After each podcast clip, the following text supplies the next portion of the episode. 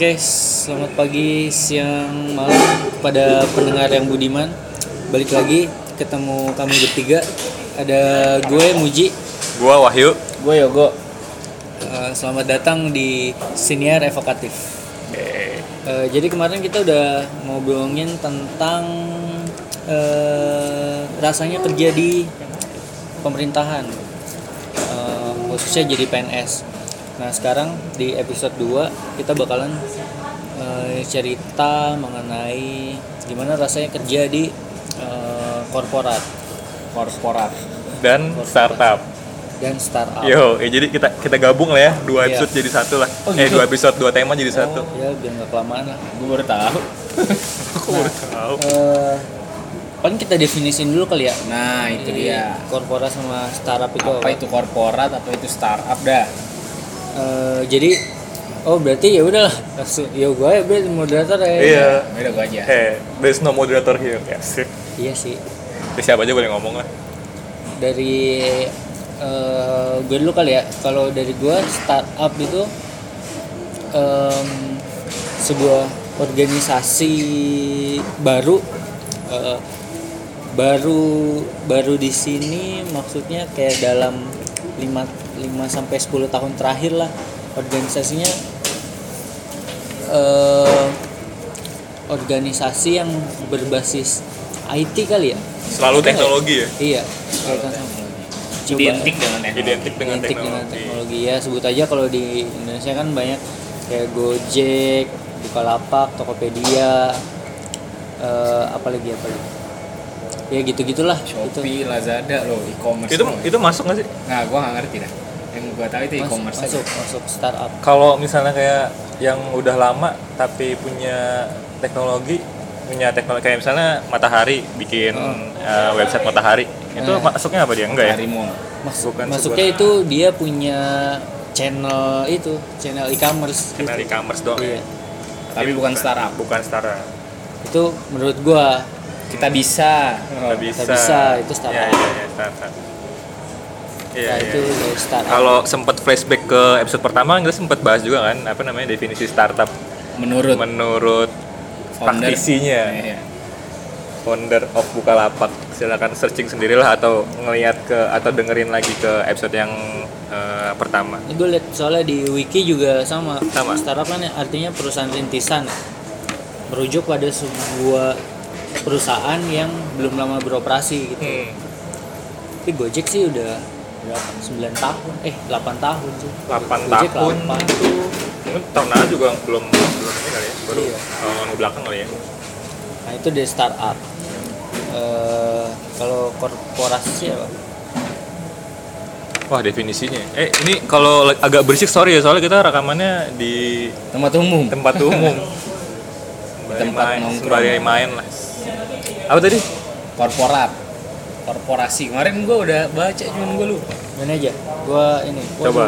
KBI KBI Ini gue dari pengertian pakar.com. Pengertian korporasi adalah suatu perkumpulan atau organisasi yang oleh hukum diperlakukan seperti seorang manusia Oh. sebagai pemilik hak dan kewajiban memiliki hak menggugat ataupun digugat di muka pengadilan. Wah bingung banget ini. Badan hukum berarti. Iya, intinya iya, badan hukum yang lah ya. udah punya badan hukum lah. Ada ada ini nggak sih? Ada eh, kayak ukurannya nggak sih kalau misalnya itu dikatakan korporasi? Korporasi. Misalnya kayak sampai sangat besar banget tuh dibilang korporasi. Atau badan hukum kecil pun juga dibilang korporasi kayak. CVPT gitu. Ya, Kecil juga CVPT tetap itu masih masuk korporasi. ya? Korporasi. gitu Terus kalau buka startup gitu juga kan masuk ke Iya sih, PT sih. juga kan sebenarnya masuk Iya. ke PT juga ya Cuma dia kayak subsetnya gitu, bagian kecilnya Oh, dari iya, korporasi iya, iya. mungkin karena baru karena tren teknologi saat ini. Oke. Ini yang lagi disukain banget sama milenial tuh kayaknya ini ya. tapi sangat Eh, besar.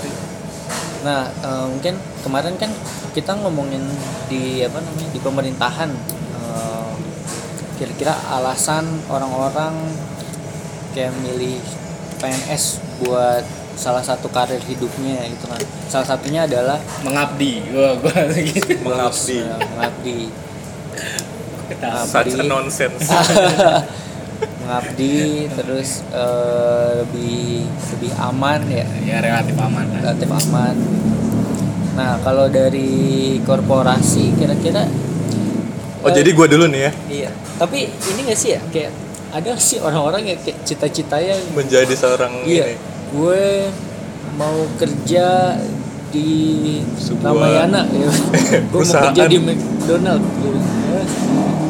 gua menjadi Gua kayaknya perusahaan sih. tapi nggak tempatnya ya kayaknya paling profesinya Iya mungkin gue pengen jadi karyawan teladan mungkin Iya. nggak nah, juga kan. karyawan sih gue pengen startup. jadi Karyawan bos tetap. ya kan kalau dulu kan itu tuh ada zaman zamannya gue pengen jadi entrepreneur gitu kan banyak tuh kayak gitu Mungkin mungkin kalau yang ini dulu gue kepengennya ke kayak perusahaan multinasional kali dulu ya.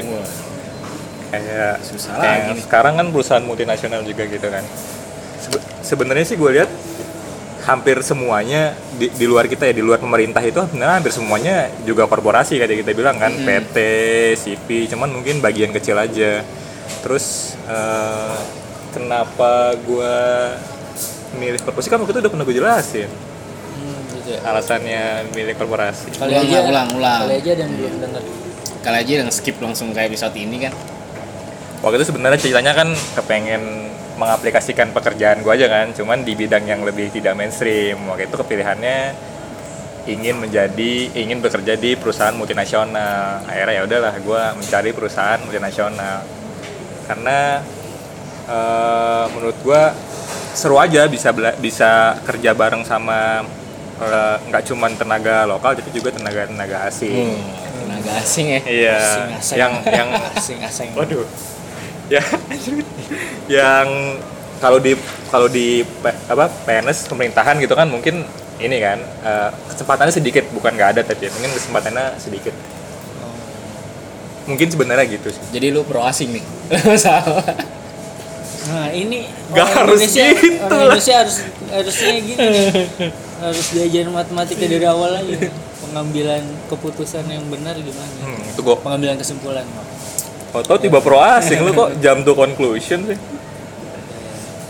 Lanjut Jadi, lanjut apa ya? Eh, salah satunya itu ya kesempatan untuk bisa dapat pengalaman yang baru khususnya eh, dengan budaya Iya, apa iya. namanya budaya luar kerja Iya, di iya. luar negeri lah. Sebenarnya sama kan cuman sektornya aja yang berbeda. Jadi kalau misalnya lu setelah kuliah misalnya memutuskan untuk gue mau berkarir di mana nih? Di PNS di korporasi di startup. Pada dasarnya sebenarnya secara perusahaan ya di luar di luar PNS ya di luar pemerintahan sebenarnya sama aja semuanya. Cuman sektornya aja yang membedakan. Sektornya terus kayak apa sih budayanya lingkungan kerjanya caranya dia eh, menghandle pekerjaan kayak gitu-gitu aja sih sebenarnya yang beda. Kalau di tempat lu sekarang ini ya apa emang terbuka banget apa namanya ketemu sama itu iya jadi orang luar. Emang kerjanya kerjanya bahkan sama orang luar. Daily-nya gitu? dailynya gue sama orang luar dailynya gue sama orang luar. Gak perlu disebutin lah ya orang luar siapa itu Orang perusahaan Bekasi dengan gitu. bukan bukan, bukan. pakai roket dong anjir. Perusahaan dengan itu eh, slogan cahaya Asia itu loh oh ya. Otomotif cahaya Eh, ya, ya, ya, ya. lah banyak banyak. Yang kayak gitu banyak kok. Iya jadi emang kesehariannya em, kerjanya sama orang asing dan kadang kita juga TV meeting nggak cuman nggak cuman orang asing yang ada di situ tapi juga TV meeting sama orang asing di tempat lain kayak misalnya di Conference gitu iya, ya? iya, tuh, dengan negara lain misalnya Thailand ataupun kadang sama Saudi Cup Saudi Cup ataupun kadang sama Malaysia gitu-gitu kadang kapan Ji? bisa Thailand Saudi Oh, tuh gitu? kayak apa gitu gue taunya ini ya Neng. apa di komen-komen banget tuh Iya, Saudi Saudi Cup Cup. biskuit ini itu bahasa Thailand cuy oh gitu quick quick quick quick aduh Itu baru nih sih? kan Oh, itu ya? Selain korporat gue tahu bahasa Thailand ternyata Gopar Saudi Hilman juga ngomongin baik-baik baik. terus kalau di situ kalau di tempat lu sih ini khususnya kan kesempatan untuk em, kerja di luar gitu gede gak sih Hmm, kerja di luar ya, maksud maksudnya apa nih kerja lokasi Kan itu overseas, overseas, kan ya? overseas Oh. ya. Ya luar kesempatannya terbuka berarti kan, kesempatannya terbuka lebih banyak. Tapi ya memang maksudnya ya kalau secara umum kesempatan terbuka lebih banyak, pasti terbuka lebih banyak. Cuman kan balik lagi ke lu di, lu bekerja di divisi apa gitu misalnya kan departemen apa ya mungkin nanti kesempatannya akan beda-beda lagi mungkin kalau misalnya lu yang sering berhubungan sama orang luarnya sendiri ya eh, kesempatannya jauh lebih besar dibanding sama orang yang ngurusin internal perusahaannya aja. Tapi status lu sama tuh. Maksudnya pegawai atau Sama, karyawan perusahaan itu. Sama. cuman beda penempatannya aja gitu ya? Sama. Misalnya misalnya gini eh, gua gua sendiri kan emang bekerjanya di core bisnis perusahaannya kan. Nah kalau misalnya orang yang kerja sebagai supporting misalnya nih misalnya as an IT atau as a HRD ya. HRD gitu kan kesempatannya lebih kecil dibanding sama orang yang bekerja di core bisnis perusahaannya. Tapi emang tapi emang kesempatannya ada. Tapi ada orang Indonesia yang daftar nih daftar di Indonesia. Terus diangkat nih jadi karyawan tetap di perusahaan lu Oh. di korporasi lu. Dan dia kerja di luar negeri di asal korporasi lu itu. Ada.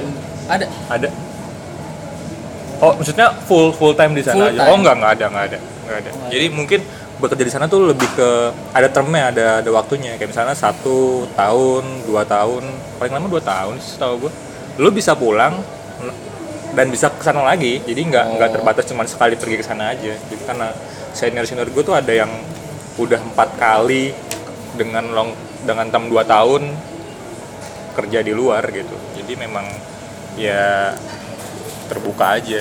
Itu sih itu sih maksudnya yang perusahaan nasional itu sih. Eh multinasional tuh itu sebenarnya. Cuman benefitnya apa kalau di luar? Gajinya dolar? Iya gajinya gaji sana Oh, lah. gitu? iya. Berarti aturan tenaga kerjanya aturan tenaga kerja negara tempat dia tinggal? Entah jam kerja terus tadi Iya. upah minimum kayak gitu? Iya jadi kalau Mantul. be- beda-beda sih tiap beda-beda tiap perusahaan ya tapi kalau perusahaan gue sendiri jadi double.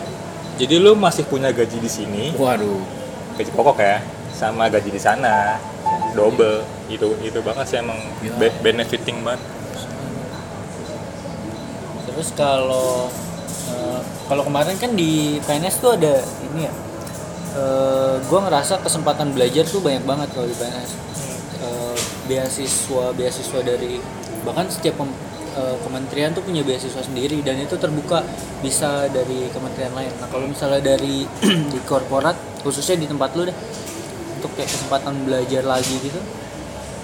Belajar lagi tuh lanjut. kuliah ya? Kuliah eh, ya kalau diizinin diizinin dibayarin gitu. Dan di apa ya istilahnya dia akan dipakai buat diapresiasi. pekerjaan lu nanti. Salah satunya itu. Dibutuhkan lah sama korporasi lu Hmm. Kalau kalau gue ngeliatnya agak beda nih, maksudnya uh, gue nggak tahu sih secara keseluruhan gimana, tapi waktu gue mencoba mencari tahu secara keseluruhan, gue berkesimpulan bahwa sebenarnya korporasi itu uh, tidak semuanya tuh punya fleksibilitas buat uh, lo bisa berpendidikan ataupun dibiayai pendidikannya kayak di PNS kayak di pemerintah kemarin jadi kayak lo dibayarin ataupun lo punya uh, waktu yang lebih longgar buat kuliah menurut gua di perusahaan gue sendiri tuh nggak nggak ada kayak gitu. Jadi memang nggak ada nggak ada model kayak dulu dibiayain perusahaan buat kuliah untuk ada akhirnya itu dipakai di level up di perusahaan gitu. Karena gini sih kalau kalau gua ngeliat secara umum ya em, perusahaan itu kan pasti akan memanfaatkan sumber daya manusianya di masa sekarang semaksimal mungkin kan. Apalagi kalau sumber dayanya manusia eh, semakin lu tua kan akan semakin kurang berkurang kan eh, tenaganya. Yang bisa yang bisa dipakai itu semakin berkurang. Jadi kayak kalau bisa itu di, di ini di perusahaan gue ya. Eh ini di, di yang gue alami ya. Jadi kayak kalau bisa di ini di dimaksimalkan di masa sekarang gitu. Terus em, jadi kayak kalau misalnya tujuannya adalah profit gitu. Jadi kayak menurut gue nggak nggak ini aja nggak nggak nggak ketemu aja sama tujuan perusahaan. tujuan perusahaan. Iya iya iya. Untuk jadi bisa berpendidikan lebih lu gitu. butuh montir ya lu rekrut montir gitu. Iya. kalau lu butuh manajer lu rekrut manajer. Rekrut manajer. jangan lu rekrut montir terus jadi manajer gitu. Iya itu. kurang lebih gitu sih. Tapi gue nggak tahu ya mungkin value nya masing-masing beda nih value masing-masing perusahaan. Cuman kalau gue lihat secara umum sih kayak gitu ada yang ngerasain sama nggak ya kayak gitu? Eh, eh, ada kalau di korporasi lain sih ada kayak misalnya di aktuari ya. Eh. di aktuari itu kan em, apa namanya role aktuaris itu eh, untuk belajar itu ada yang dibayarin banyak yang dibayarin. Hmm. kan kalau di aktuari kan ada namanya ujian PAI Eh, PAI apa Persatuan Aktuaris Persatuan eh anda siapa ya anda tiba-tiba ada bicara Nah, si ujian PAI ini yang apa namanya? mengsertifikasikan aktuaris di Indonesia. Nah, terus si perusahaan-perusahaan asuransi itu Eh, dia mewajibkan ya, mewajibkan karyawannya untuk punya punya sertifikat. sertifikat itu Kebanyakan sih kayak gitu. Itu sebenarnya tergantung sama atasannya sih. Kenapa? Ini siapa ini? ini perkenalkan dulu anda siapa dong anda mestinya belum Saya tim bicara Hore aja, saya tim Hore. Ini ada narasumber tamu. sumber tamu Dan kebetulan kan dia di itu juga di korporasi kan. ya jadi eh pasti maksudnya nyambung kayak yang dulu kan dulu kan gue bilang kalau ya orang yang punya keahlian kayak sertifikasi gitu itu emang kayaknya jauh lebih kepake kan Oh, dibanding sama yang nggak punya sertifikasi kalau di pekerjaan bidang korbo sendiri kan Oh, iya, iya. nggak ada sertifikasi khusus kayak aktuari atau kayak misalnya mungkin di kayak Risk di manajemen, risk management ya. Kalau misalnya di mechanical electrical tuh setahu gua ada deh. Dia tuh sertifikasi tertentu gitu. Kalau di pajak juga kayaknya ada kan? Ada. Iya, akuntan itu kan sertifikasi sebenarnya dulu sih, sekarang enggak. Sertifik iya sih, sertifikat bagus sih kalau buat perusahaan. Jadi eh, karyawannya tuh langsung itu aja gitu ya. Oh, di gua ada. Di gua ada soal quality. Gimana? Di gua ada soal quality. Jadi kayak quality quality parts uh, member-member quality-nya gitu, dia memang ada bukan sekolah sih tapi lebih ke pendidikan. Jadi kayak misalnya lu di uh, kayak sebulan, dua bulan, tiga bulan kayak overseas di luar untuk ngelihat belajar kualitinya. Tapi kalau misalnya kita ngomongin pendidikan secara kayak kuliah atau gimana gitu sih enggak sih enggak ada. Tapi tadi sih kalau misalnya emang basic ke sertifikasi ya menurut gue itu emang bakalan kepake karena kayak sebuah keharusan dan value buat perusahaannya sendiri kan. Kalau yang lain menurut gue enggak. Apalagi didukung, ini gue nggak tahu ya. Kalau yang gue lihat di korporasi gue sendiri itu kan eh, mungkin tempat lain juga sama. Jadi em, job desk-nya itu antara yang misalnya yang kelas A sama kelas B, kelas yang lebih kecil sama kelas yang lebih rendah, antara F sama D3 itu sebenarnya eh, kurang lebih sama. Kurang Sama lebih sama. ya? Sama pekerjaannya. Oh. Job desk kurang lebih nggak jauh beda. Jadi kalau misalnya sebuah pekerjaan yang bisa diselesaikan sama eh, D3, pekerjaannya satu diselesaikan sama D3, terus eh, KPI-nya tercapai, buat apa gitu maksudnya dia nyekolahin orang ini untuk jadi S1? Jadi S1. Kan value-nya udah dapet juga di S1 ini ya kan, Dan di D3 -nya lebih kan. murah ya. Dan lebih murah. Tadi karena gue bilang kan mungkin yang dikejar adalah Karena profit. kapitalis. Iya. saya tidak bilang gitu, saya bilang profit. gitu sih. Gitu-gitu. Tapi benar sih kalau misalnya Bener kan? lu butuh keahlian tertentu ya daripada kuliah lama-lama kan ya kursusin aja Lesin aja. lebih, Iya, lebih cepat lebih gitu dan cepat. fokus Di apa yang bidang harus itu. dikerjain Iya. low Value- cost juga Iya, value-nya hmm, kurang. Tapi itu baik lagi ke value masing-masing perusahaan. Kalau misalnya perusahaan lu emang mengencourage lu untuk bisa belajar, bisa kuliah, dan itu nanti kepake di perusahaannya juga ya, ya nggak masalah sih. Mungkin bakalan ada yang kayak gitu. ini masih jadi Pengalaman gue sedikit ya. gitu. Pengalaman gue di sama yang sama kayak gue sedikit sih. Sedikit banget. Gitu kalau soal pendidikan tuh gitu. Mungkin ini kali ya, apa namanya? kebiasaan kali ya. tapi konteksnya pendidikan formal ya di sini ya maksud gua kan saat lu dapat diklat saat lu dapat sertifikasi kursus lah walaupun gak ada sertifikat itu kan sebuah value sebenarnya kan buat lu gitu walaupun secara umum lu nggak diakuin gitu karena lu nggak punya gelar formal aja. Iya. tapi secara profesionalisme lu di profesi lu ya tercapai sebenarnya gitu. Ya, bisa sih. pendidikan formal yang nggak dapet apalagi ya? Eh, apalagi? Berarti benar-benar inisiatif lu dan teman-teman lu sendiri ya kalau misalnya mau belajar kuliah lagi gitu kan? Iya. Inisiatif lu sendiri emang mungkin untuk mendapatkan tempat yang lebih bagus gitu. Kalau ada di situ lain. Tapi di di gua ada kok namanya kayak semacam penyesuaian gitu tuh ada. Dari misalnya kelas A ke kelas B dengan lo dengan lo sekolah kuliah itu ada penyesuaiannya sebenarnya. Bisa lo ajukan bisa lo ajukan. oh, bisa lu ajukan tapi bisa lo ajukan. tapi belum ya ada seleksinya. Pasti kan dia ngeliat juga kan misalnya lu dari kampus apa gitu gitu oh iya. Akreditasinya kayak gimana kalau ke eh ini masih mau dilanjutin nggak yang sekolah nih? Lanjut ya lanjut apa namanya? Eh, di korporat tuh kan kalau di pemerintahan ya di Ah. PNS eh, misalnya em, saat ini role lo itu jadi A gitu misalnya.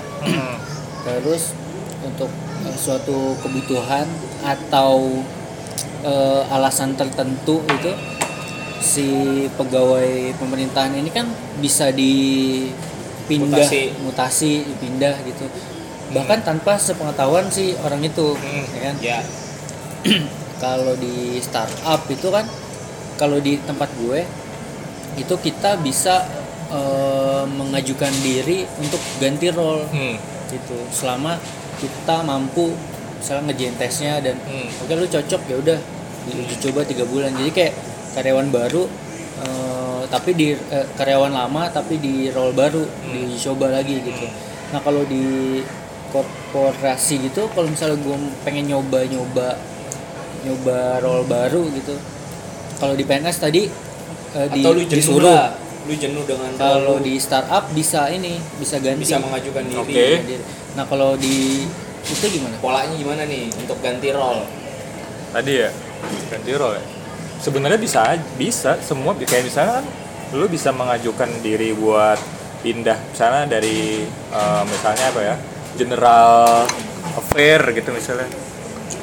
General general eh eksternal misalnya eksternal affair. Terus jadi misalnya eh, quality. Sebenarnya bisa aja nggak nggak nggak masalah. Lu bisa mengajukan. Cuman organisasi itu kan kalau di gua ya eh, organisasi itu kan ini banget ya eh, sensitif banget. Dalam artian satu perubahan itu tuh bisa membawa banyak menjaga Eh, turnover ya? iya. Satu menjaga turnover. Satu satu perubahan itu bisa membawa banyak Dampak. banyak dampak ke eh, perusahaan itu ataupun ke eh, pekerjaan yang lu tinggalkan. Heeh. jadi misalnya gini lu di gua cenderung akan menjaga orang yang punya pengalaman lebih banyak. Misalnya lu udah kerja 10 tahun di bidang A itu kemungkinannya akan susah lu bisa pindah ke bidang B. Karena dia mau ngejaga eh, experience-nya orang ini kan sayang kan misalnya dia udah kerja lama di bidang itu terus punya experience banyak udah punya ngalamin banyak terus oh berarti cenderung kayak gitu ya? cenderung gitu sih cuman bisa sebenarnya. Berarti top down jarang tapi bottom up ada? Macam apa deh dan diterima? Diterima. Bisa diterima. Karena menurut gue ngejaga orang yang berpengalaman itu ya dua mata pisau sih. Dia bisa benar punya pengalaman atau dia udah sebenarnya udah mentok dia di situ. Nggak ada inovasi lagi karena udah udah. Ya gue udah semua udah gue lakukan Eh, di sini gitu. Kita bisa ngelihat dari dua sisi lah ya. Karena kan kalau misalnya kita ngelihat ngomongin keahlian kan semakin ahli orang semakin kepake kan Ah, mestinya. Kalau misalnya dia belajar suatu hal yang baru kan kayaknya ngulang dari awal lagi kan dan bakalan capek nggak sih? intinya bisa berarti ya Intinya bisa, juga. intinya ada juga. Baik, ya nor- normal sih kok menurut gue Iya. bisa lu bisa mengajukan untuk pindah ke tempat lain tinggal lingkungan perusahaannya aja perubahan itu berdampak sensitif apa enggak karena kalau di gua kan waktu lu pindah kayak nggak nggak se misalnya nggak semudah itu gitu sekarang em, tentang ini kalau di PNS itu kan salah satu alasan orang milih PNS itu kan ngerasa aman ya? Iya. Eh, akan kepastian eh, saat pensiun nanti gitu kan Hmm, satunya. Dan juga em, aman dari dipecat gitu tanda kutip. Mhm. nah kalau di korporat gitu ya mungkin kalau di multinasional pasti gue sih ngerasa kayaknya aman sih asal lu misalnya at least nggak macem-macem lah ya jadi pegawai kerja kerja aja yang standar lah gitu target terpenuhi itu juga pasti aman dan eh, pensiun mah aman gitu kan aman Eh, nah tapi eh, gue mau ngelihat dari sisi lain oke Nah, eh, si korporat ini kan eh, kalau kalau di PNS eh, presiden ganti, kebijakan ganti, PNS ya tetap jadi PNS.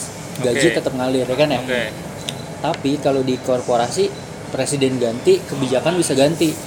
Kebijakan yang ganti bisa mempengaruhi pasar ya kan. oke. Contohnya misal eh, untuk saat ini eh, kan ada kebijakan kalau bikin bar em, apa ya suatu perusahaan kalau mau jualan di Indonesia itu harus punya komponen sekian persen Iya, dari Indonesia ya kan? TKDN kan? TKDN gitu. Oke. itu yang ngebuat eh, perusahaan-perusahaan multinasional gitu Oke. dia bakalan punya pabrik ya kan oke di Indonesia. betul, betul. Nah, kalau misalnya suatu saat kebijakan itu diubah gitu, eh, kebijakan itu diubah, misalnya, oke perusahaan eh, eh, produk-produk itu nggak harus punya komponen eh, sekian persen di Oke. Indonesia, boleh bebas dari bisa dari impor aja gitu ya bisa di- diimpor aja. Nah, Oke. menurut lu rasa keamanan itu bakal tetap ada nggak ya? Soalnya ya eh, dengan dengan dengan kita bisa dengan perusahaan itu bisa ngimpor aja, jadi dia tinggal milih eh, negara yang manpowernya lebih murah aja gitu, ya kan? Ya. efeknya kita nggak kepake gitu Iya, jadi di sini tuh dia cuma jualan doang. Lu kan misalnya lu manufaktur nih, lu produksi. Oke. Lu kepake karena ada aturan kan bahwa eh, harus produksi sekian persen di sini dan tenaga kerja di sini otomatis. Tapi kalau ada kebijakan lu bebas, di sini lu tinggal jualan aja, lu nggak punya pabrik pun nggak masalah gitu. oh Jadi kalau menurut gua kalau dari situ sih rasa keamanan itu akan hilang gitu. Kalau tiba-tiba kebijakan ganti, eh, mohon maaf nih ya pegawai-pegawai buruh nih karena eh, kita udah bisa impor gitu, jadi gua nggak butuh buruh dari Indonesia gitu. Kok Gimana Gitu ya. menurut lo? Itu yang membuat lu aman sekarang kan maksud gua karyawan tetap kan kalau tetap itu kan ada Ma- iya iya Kontrak. Iya, gitu iya, ya iya. kontraknya maksudnya apa sih ya? apa Nggak anak lu jadi bisa jadi tak aman ya. Sejadi nggak aman ya? Enggak sih kalau gua ngelihatnya tadi dulu nih ini aman dalam konteks eh, bisnis perusahaannya. Itu kan tadi kalau ngomongin enggak. tadi enggak tadi kalau ngomongin tadi kan misalnya kayak TKDN kebijakan perusahaan kebijakan negara Nah, itu kan berarti ngomongin bisnis perusahaannya kan? Iya. kalau ngomongin bisnis perusahaannya menurut gue semua perusahaan tuh bisa jadi nggak aman kecuali pemerintahan kecuali kalau nggak bubar. Mm, ya kan? Kan ada bisnis yang sunrise sama yang sunset kan? Iya. misalnya waktu contohnya sekarang banyak e-commerce nih tapi kita belum tahu nih kalau misalnya ada kan ada isu ya si misalnya apa Alibaba apa Amazon masuk Indonesia? Dua-duanya. dua-duanya masuk Indonesia. Berarti kan jadi sebuah ini kan Kompetitor jadi baru kompetitor baru kan merubah mindset pasar sehingga lo yang tadinya mungkin merasa uh, aman menjadi nggak aman. Menurut gue sih semua perusahaan itu nggak, bisa maksud dilihat di- dari situ. Di elunya sebagai karyawan. kalau ngeliat dari situnya kan berarti tergantung ke kebijakan perusahaan masing-masing kan? Apakah itu kan berarti tinggal cut off perusahaan kan? Ya cut off cut off eh, cut off karyawan perusahaan kan? Kayak misalnya dulu kita ngelihat minyak perusahaan minyak nih. Sebutlah eh, apa sih? Selam bersih. Waktu. Apa bersih ya? selam bersih Oh ya. waktu dia minyak lagi drop banget kan dia banyak banget kan yang merumahkan eh, karyawannya Iya. Nah itu kan balik lagi ke kebijakan perusahaan. Kalau gua berkaca dari perusahaan gua kan udah lumayan lama ya. Waktu lagi krisis tahun 98 itu relatif dia ngejaga perusahaan ngejaga karyawannya. Jadi dalam artian nggak ada yang dipecat, tapi dirumahkan. Pembedanya. Eh, dipecat kan berarti lu nggak kerja sama sekali sama dia. Dirumahkan berarti kan ya lu di rumah tapi nanti ketika misalnya udah udah krisisnya normal itu udah lewat misalnya tetap bisa bekerja di situ. Statusnya beda kan yang satu karyawan yang satu tidak. Hmm, iya iya iya iya. yang satu di cut nggak nggak jadi karyawan yang Satu digantung. yang satu digantung ya kayak gitu cenderung seperti itu ya dia cenderung mau ini tapi kalau menurut gua perusahaan gua lebih humanis sih dari segi dari segi itu ya dari segi kontrak ya. Kayak misalnya waktu gua masuk itu gua nggak kalau misalnya keluar kan ada penalti gitu beberapa perusahaan. Kalau gue sih nggak ada. Jadi misalnya lu eh, bahasanya tuh kalau lu masuk baik-baik ya keluarnya baik-baik aja gitu. Nggak perlu. Kalau gitu kan penalti itu kan sebenarnya kayak eh, rasa khawatir perusahaan kalau lu cabut tiba-tiba Iya. gitu kan. Ya kalau itu pengennya kayak gitu. Dan tadi sih ketika lu udah jadi karyawan eh, tetap mestinya kalau lu nggak aneh-aneh ya tetap bakalan ini sih nggak sampai dipecat gitu. Kalau gue ngeliatnya gitu sih. Untuk tempat lo ya? Untuk tempat jadi bisa ngeliat dari dua sisi. Tapi lu punya ini gaji data mungkin ada tempat lain yang kayak gitu gitu kan? Yang dia statusnya tetap nih tapi ternyata terganggu karena ada kebijakan baru pijakan. Kalau menurut gue sih lebih ke ini lebih ke bisnis perusahaannya jadi kan bisnis itu ngeliat dari ekonomi makronya kan. Kayak minyak gitu ya kali Iya, ya. kayak minyak Saat, gitu.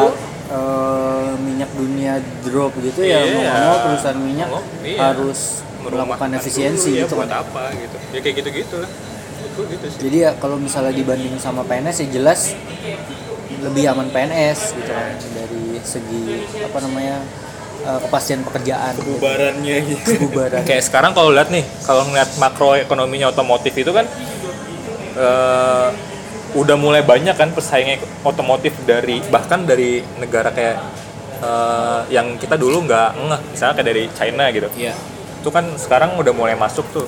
Guling Wuling. Yo, Wuling, Oh, iya, Wuling. DFSK yang lu nggak kenal deh tapi udah mulai bikin tadi bikin pabrik di sini terus kemudian eh, mau nggak mau kan dia mengganggu mengganggu komponen pasar kan?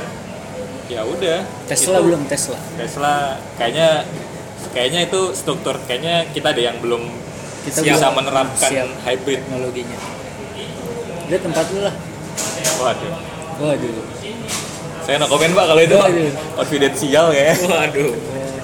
Ya kayak gitu. Jadi kayak ya menurut gue tuh sih pinter-pinter ya menurut gue di, di- dinamika itu pasti bakal ngaruh ke perusahaan dinamika pasar gitu ya itu nggak bisa ini kecuali yang pemerintah tapi emang beda sisi sih maksud maksudnya tadi saat lu khawatir pekerjaan lu terganggu karena stabilitas perusahaan Hmm. otomatis kan mendorong lu sebagai karyawan untuk menjaga perusahaan lu tetap ya ya ya kan? ya ya tapi kalau yang lu bilang Muji ini tuh eh, kayak keuntungan lain dari perusahaan yang membuat lu nggak perlu kayaknya gitu. Jadi bukan karena Oh. pesaing tapi karena memang itu kan salah satu contoh tadi kalau misalnya ngomongin TKDN ya ya nggak tahu nanti kalau ke depannya di efisiensi mungkin aja. ya Iya, mungkin aja sih. Bisa aja. Bisa ah, kalau pinter-pinteran yang bikin kontrak siapa ya kan? Ntar ujungnya demonya ke pemerintah gitu ya. Iya. Meminta perlindungan. Iya.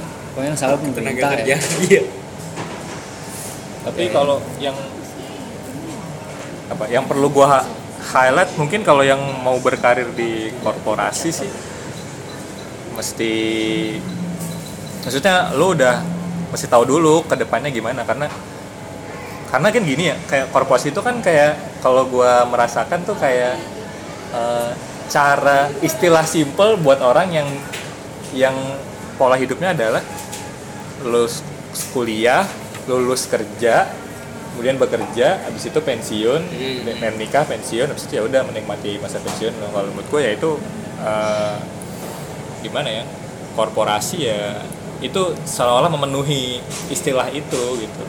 Tapi kalau apakah track recordnya udah puluhan tahun lah gitu. Ya tapi apakah lu mau seperti itu gitu? Dengan pola jam kerja yang kayak gitu. Kalau kalau gue sih sendiri emang eh, 8 ke 5 jadi masuk jam 8 pulang jam 5 8 jam pas ya? Jam pas ya? Iya. Istirahat sejam kan? Istirahat sejam. Istirahat sejam. Oke oke. Gue gitu sih. Ada lagi yang tentang ini?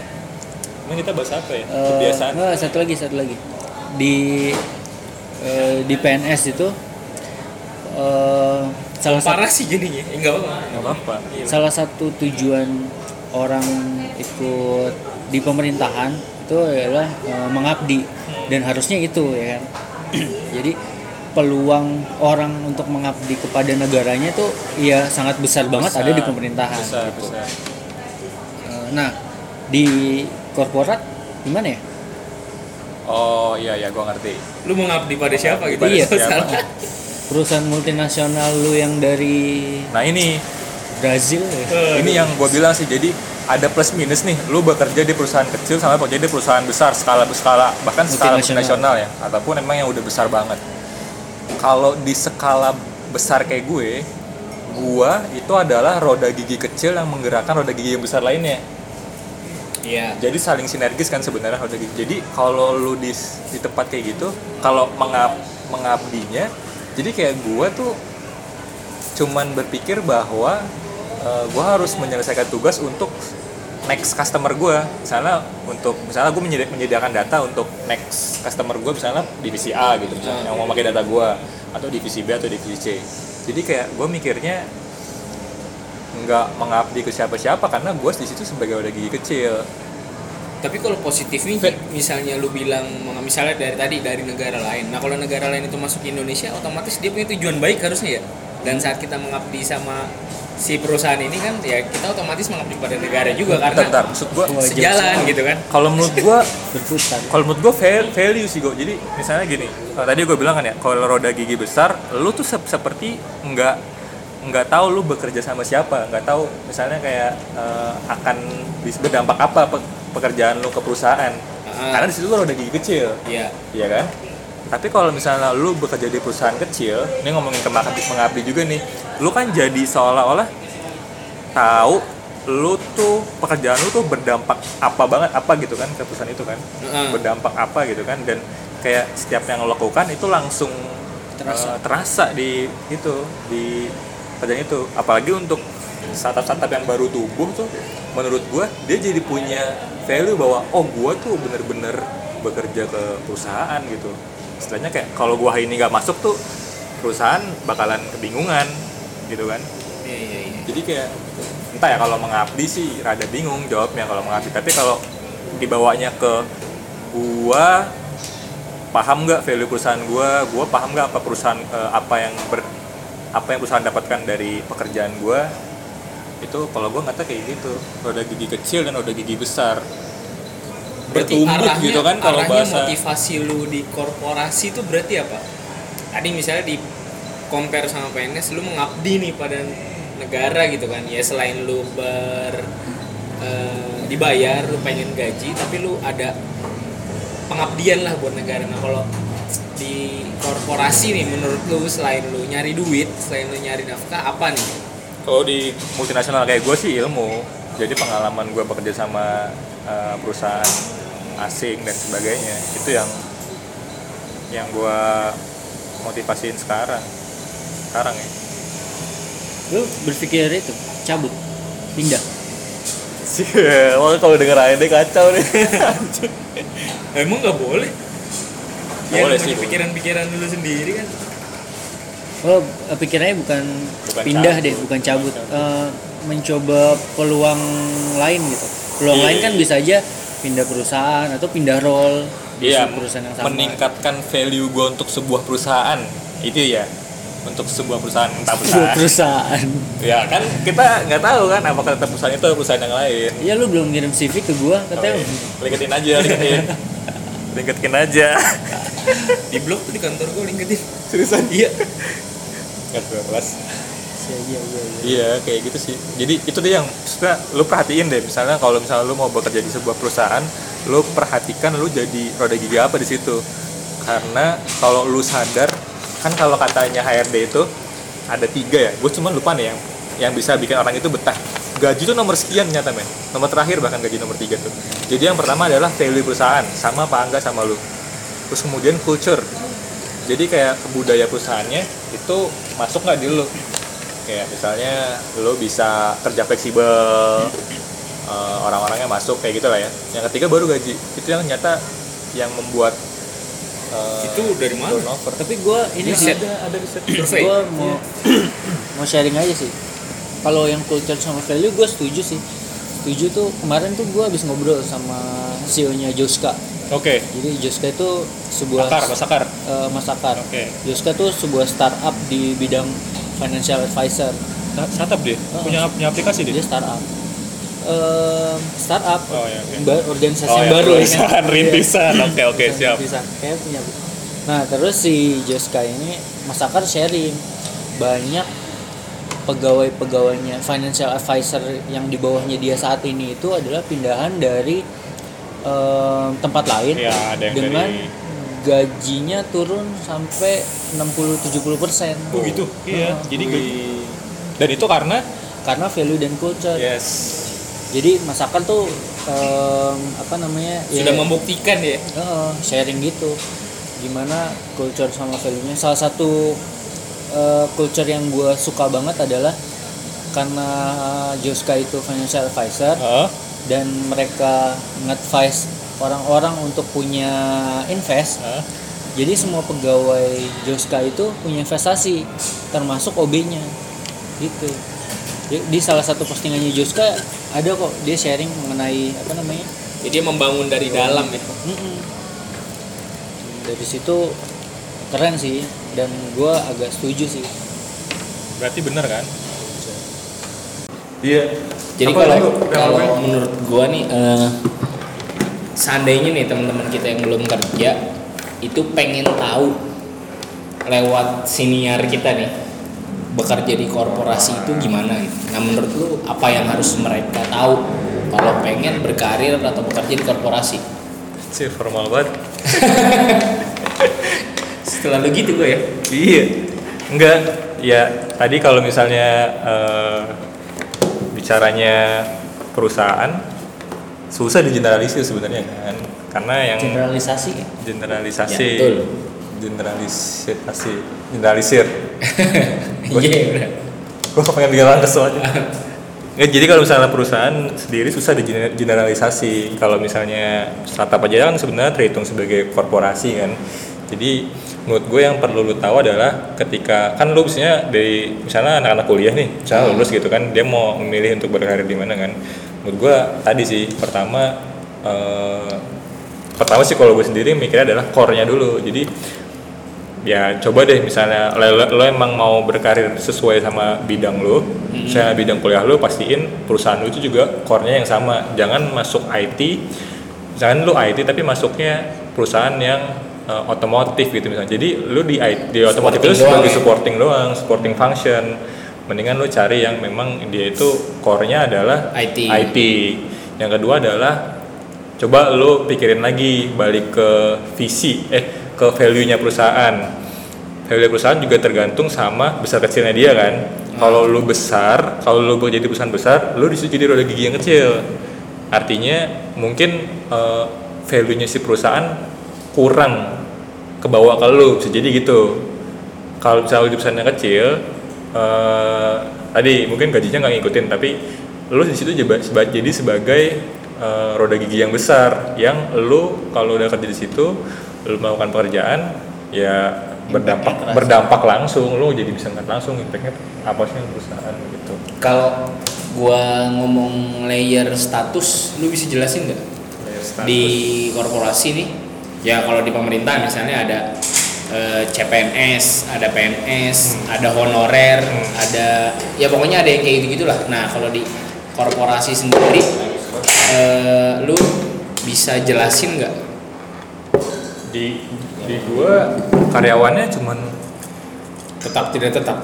Pertama ya tetap tidak tetap. Kontrak itu ada yang kontrak setahun sama kontrak dua tahun. Hmm. tapi kalau gua sendiri kalau yang dari eh, D3 ataupun misalnya yang jadi staff gitu kan dari masih mas itu kontraknya cuma setahun gua kontrak cuma setahun bagus di review Hmm. ada presentasi gitu gue habis itu ya udah eh, diangkat jadi karyawan tetap langsung Iya, kontrak langsung. Kalau secara level, maksudnya secara layer kelas, beda-beda nggak sih tiap perusahaan? Beda-beda ya? Beda-beda ya. Iya kalau itu beda-beda lah Ya beda-beda ya. Kalau gua beda-beda, ya gitu aja sih. Menurut gua itu sih yang perlu diperhatiin tadi. Oh ya lu mau bekerja di mana? Makanya nanti akan nyambung kan eh, buat buat eh, chapter kita berikutnya kan episode berikutnya kita kan ngomongin soal eh, startup nggak jadi digabung udah kepanjangan ya panjangan misain aja Iya. Iya kan ngomongin startup yang mana sebenarnya kalau dari definisinya di awal kan perusahaan rintisan. Rintisan. Skalanya berarti masih eh, kecil ke nih. ke sedang ke sedang apa gimana ya? Kecil ya pokoknya mungkin secara stabilitas belum sebagus yang perusahaan besar gitu kali ya. Gua juga nggak tahu. Tapi ya makanya nyambung tadi. Kita jadi ada komparasinya. Menurut gua gitu sih tadi ya kalau core perusahaannya apa terus kemudian value-nya sama apa enggak culture-nya sama apa enggak. Gaji tuh menurut gua pasti bakalan bersekian. Kalau kultur korporasi sendiri ada nggak yang bisa digeneralisasi menurut lo? Kalau misalnya kita ngomongin jam startup kerja nih, mostly jam kerja.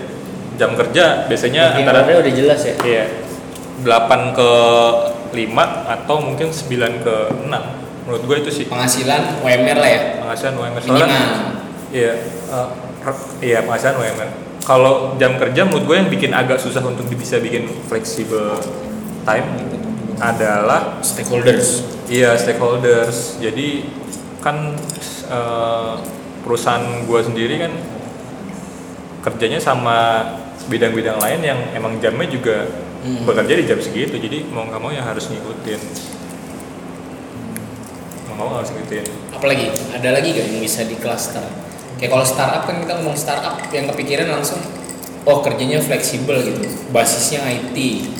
Tempat kerjanya kayak Google gitu kan, ada playgroundnya, ada bajunya bebas. itu Maksudnya itu ada itu kultur kan kultur Nah itu kalau di korporasi menurut ada gak kultur yang general gitu orang tahu? Enggak sih deswalk deswalk enggak juga ya. Enggak juga. sih menurut oh gua. ini eh, Apa ya? namanya tadi kan ada eh, suara-suara itu ya yang tiba-tiba masuk Oh iya. gue kenalin aja tadi itu Dian dia itu salah satu apa namanya pegawai di sebuah perusahaan asuransi gitu. Oh, iya. Mungkin kalau misalnya Dian punya insight langsung aja Lu, nyemplung lu gitu. sama nggak sih sama gua? Maksudnya kita tuh Lo bisa mungkin dikelompokkan sebagai core kita beda banget tapi pada dasarnya kita bekerja di sebuah korporat kan sama kan daily basisnya sama working hour gitu. Ya. Tapi sebenarnya si korporat yang gue lihat udah mulai adaptasi startup gitu, ngebuat tempat kerjanya menyenangkan juga. Oh gitu. kultur Nah, kulturnya Tempat udah lo mulai. enggak? eh, belum Mungkin masih banyak generasi tuanya ya. iya iya Eh, Mungkin menyenangkannya itu ya tuh. kayak gitu gitu. mungkin iya tuh ya. nanti mungkin pas udah lo masuk mungkin bisa lu eh, notice gitu ya di gua sendiri gua ngerasain nih Mas ya. di gua sendiri gua ngerasain divisi gua itu divisi gua itu eh, jaraknya antara generasi tua sama generasi muda tuh jauh banget. Jadi generasi bayangin ya generasi muda gue itu yang paling tua itu umurnya adalah cuman beda 4 tahun 4 tahun. Generasi muda yang paling tua. 4 sampai 5 tahun. Hmm. setelah itu langsung ke generasi tua. Jadi jauh banget nggak ada rentang yang bertahap gitu. Hmm, kalau kalau menurut gua salah satu kesamaan sama yang di pemerintahan tuh untuk saat ini itu itu eh, ada ada gap menurut gue sih Iya. antara golongan tua dan milenial yang Iya, sekarang iya. udah mulai masuk gitu. Karena emang atas atasnya tuh masih dipegang sama orang-orang tua ya. Beda kalau startup kayaknya CEO-nya aja tuh anak-anak muda lah gitu kan. tadi kan perusahaan kecil lu di situ jadi gear yang besar kerja sama-sama kan semuanya Hmm.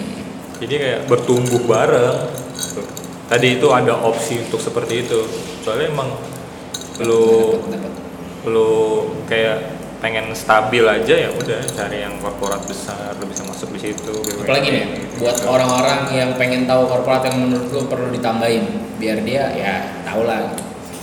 Dari segi lu dulu lu apa ya lu punya in- lu punya persepsi apa lu kan juga bekerja di korporat yang sama jadi mungkin bisa ngasih pandangan lain Kalau menurut gue lebih apa ya? Mungkin eh, walaupun pengembangan karirnya nggak secepat startup ya karena kan startup dimulainya kayak dari nol gitu lo sama-sama bareng-bareng dari nol. Ayo masuk startup. Tapi dia juga nggak selambat pemerintahan menurut gue kan kalau pemerintahan kayak lo harus ke sini dulu ke sini dulu ke sini dulu kalau misalnya pas di korporat kalau lo nonjol di antara peer lo ya kemungkinan buat naik lebih cepat juga ada gitu ya nggak sih Hmm, tuh jadi nggak ini ya. Performance base-nya tuh Iya. ke- ketara banget ya. iya betul menurut gue nih political political Iya. di perusahaan tuh di PNS juga ada nggak sih Ada, sama aja tapi nggak sampai dipecat ini sih. Di Yang lu maksud politik apa nih? maksudnya kayak itulah apa namanya misalnya kayak negosiasi misalnya lu mau menginginkan sebuah jabatan tertentu Oh, itu di mana-mana ada. Iya. sama ya kayak gitu pasti nah kalau menurut lu kira-kira tipe orang kayak gimana yang cocok em, gimana ya gue mau bilang cocok di Tepat korporat gitu ya. tapi orang kan nggak Nggak bisa. nggak tahu ya? nggak ada yang cita-citanya di korporat di gitu situ, Oh, ya, ya. Ada nggak sih? Bisa Tahu. jadi Bisa ada jadi ya. ada ya. jadi sih Bekerja di perusahaan multinasional. kayaknya orang ada sih, kalau cita-cita kan Ada. eh, ada. biasanya role kan profesi ya profesi heeh. Em, oh gini aja Eh, orang kayak gimana yang dia sebenarnya nggak cocok di PNS cocoknya tuh di korporat gitu di startup juga nggak nggak cocok cocoknya kan di korporat orang kayak gimana Cocoknya di korporat. Menurut gua orang yang eh, cocoknya di korporat. Bingung. Yang susah tuh. Cocoknya kayaknya kalau gue sih gue mikirnya ya? sih orang yang punya orang tua orang tuanya tuh butuh kepastian gitu makanya Oh, dia milih oke. kalau nggak PNS lu di multinasional gitu Oke. tapi orang ini tidak mau ikut-ikutan eh, apa ya kayak politik-politik gitu eh, nggak ngerti sih gimana ya nggak mau ribet dengan birokrasi iya benar jadi dia maksudnya setuju gak? Enggak juga menurut. Kalau kayak gitu misalnya rada ini rada bias kalau misalnya lu mau nyari aman ya orang pasti nyarinya ke PNS menurutku PNS jauh lebih nggak maksudnya nggak jauh lebih nggak politik kalau menurut gue malah. Nggak, tapi dia birokrasi itu loh Tapi stigma PNS gabut tuh masih ini gak sih? wah itu kan dibahas di chapter pertama ya Oh, baca tuh. Saya telat ya bergabung. oh ada ada telat bergabung Terus kalau misalnya orang yang cocok atau mungkin orang yang pas atau orang yang lebih tepat ya emang yang lo kepengen kerja di perusahaan yang udah stabil dan eh, perusahaannya udah stabil perusahaannya besar tapi kayak PNS tuh bukan bukan lu banget gitu. Ngerti nggak? Iya, tempat lu pakai seragam nggak sih? Eh ditetapkan tapi nggak nggak harus ditetapkan tuh kayak misalnya Ketentuan aja. kan misalnya kayak Senin pakai baju kemeja kemeja warna biru ini ini ini enggak tapi ya tetap normal tetap pakai kemeja dan sebagainya Zaman pakai seragam. Ya jadi ya tetap aja bisa pakai kemeja bebas apa bagaimana kita kemeja tapi tetap kemeja gitu ya Stasiun TV sekarang malah pada pakai seragam. iya bro Apa? Wisnu Tama bilangnya Iya, itu suruh pakai seragam itu filosofinya dalam. ya. Udah lanjut oh lah. iya, iya. Wisnu Tama bilangnya sudah pakai seragam Iya iya iya.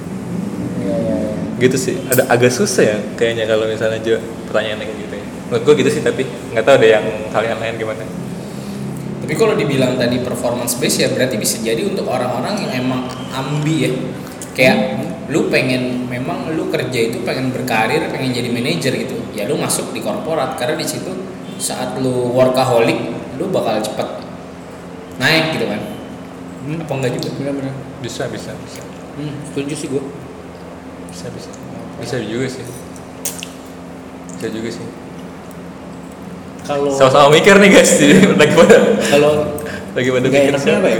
Korporat. Kalau dari lu sendiri. Nggak enaknya adalah gua merasa bahwa eh, sebenarnya kalau misalnya lu sebenarnya bisa aja misalnya kayak lu pas masuk korporat gue udah berpikiran bahwa wah gue pengen jadi sebuah pemimpin perusahaan besar gitu tapi kan mostly orang nggak kayak gitu kan. Mesti kan sebenarnya orang itu masuk ke perusahaan yang karena misalnya dia lulus dari kampusnya terus kepengen kerja sesuai sama bidang yang diajar dia belajar aja gitu kan. Jelek. Mungkin gini sih lu jadi kalau gue sendiri gue kayak kelihatan wah ini kalau gue tetap di sini kalau gue tetap di sini iya. Silakan mas silakan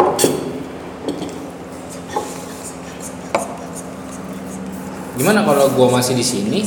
jadi kan kalau gue masih di sini gue kayak tahu aja gue ke depannya bakal gimana. Dan itu tuh bikin gue takut gitu. Karena rutinitas. Rutinitas. rutinitas. Berarti misalnya gini, orang yang suka dengan rutinitas gitu ya. bisa sih.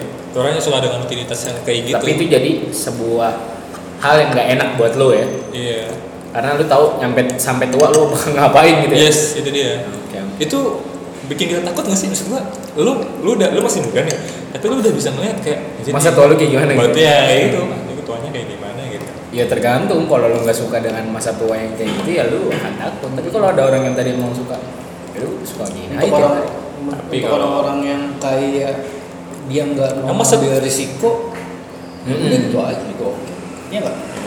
Bisa aja sih Oh, ini? Orang yang bukan risk taker. Bisa aja sih bisa aja sih. Cuman mungkin itu nggak tepat buat yang tapi gue sih oh ya memang beda-beda ya. Gue sih gue sih ngerasa itu kayak wah gue takut aja gitu. Nah berarti bagus dengan insight Iya. baru. Buat lu yang nggak suka dengan rutinitas dan lu yang nggak suka dengan tahu masa tua lu ntar kayak gimana jangan ke korporat gitu. So kurang menantang. Dan hmm, tantangan belum tentu. Tantangan kan tantangannya beda. Tantangannya kan beda. Jadi di tantangan apa pun ya ujungnya gitu gitu ya. di perusahaan di perusahaan gue ada istilah kayak entah lu di challenge atau lu di celeng gitu. Bikin celeng gitu. Sama challenge nya oke. Nah, gitu sih. Apalagi ya nih Nah, gue punya teman yang kerja di korporasi juga tapi gimana ya? Ya, jadi em, itu paling ya. Jadi untuk orang-orang yang em, dia nggak pengen ber ribet-ribet dengan Ribet-ribet, birokrasi, gitu, birokrasi. eh, ya coba cari perusahaan-perusahaan multinasional yang bisa apa namanya nge-challenge lu dengan Hmm. apa namanya dengan tantangan yang Hmm. Tantangannya pun besar gitu kan Hmm, hmm. nasional gitu ya. jadi enggak tapi rutinitas itu kan juga bisa berubah kan kalau misalnya dia juga role berubah tantangan perusahaannya berubah Tapi jam kerja kan sama aja 8 ke 5, 9 ke 6 ya kan? Oke, tadi sih pas ya coba pas yang mau kalau lo mau berkarir di korporasi tadi sih perhitungan core bisnisnya value culture baru yang terakhir gaji oke. Oke ya? Waduh dalam banget ini ya. Oke oke kayaknya cukup lah. Kayaknya eh, untuk obrolan kita mengenai korporat eh, sampai di sini. Mungkin kalau yang para pendengar budiman ini punya eh, kritik saran komentar juga Iya, apa lu apa lu juga bekerja di korporasi terus punya apa namanya? dan pengen diundang jadi style. narasumber tamu eh, enggak style yang berbeda di perusahaannya terus lu punya masukan bisa aja deh sharing Enggak, aja. perusahaan Iya, gua nggak kayak korporat gitu, tapi gitu. eh, nggak working hour gitu kan. Nggak Ya, mungkin bisa kasih tahu perusahaan mana biar kita bisa kirim CV ke sana ya. Kayaknya kayaknya perusahaan lu bukan korporat. Ya Kayak lu salah deh. lu salah mendefinisikan oke mungkin gitu aja Oke. oke dari gua Muji gua Yogo Gua Wahyu.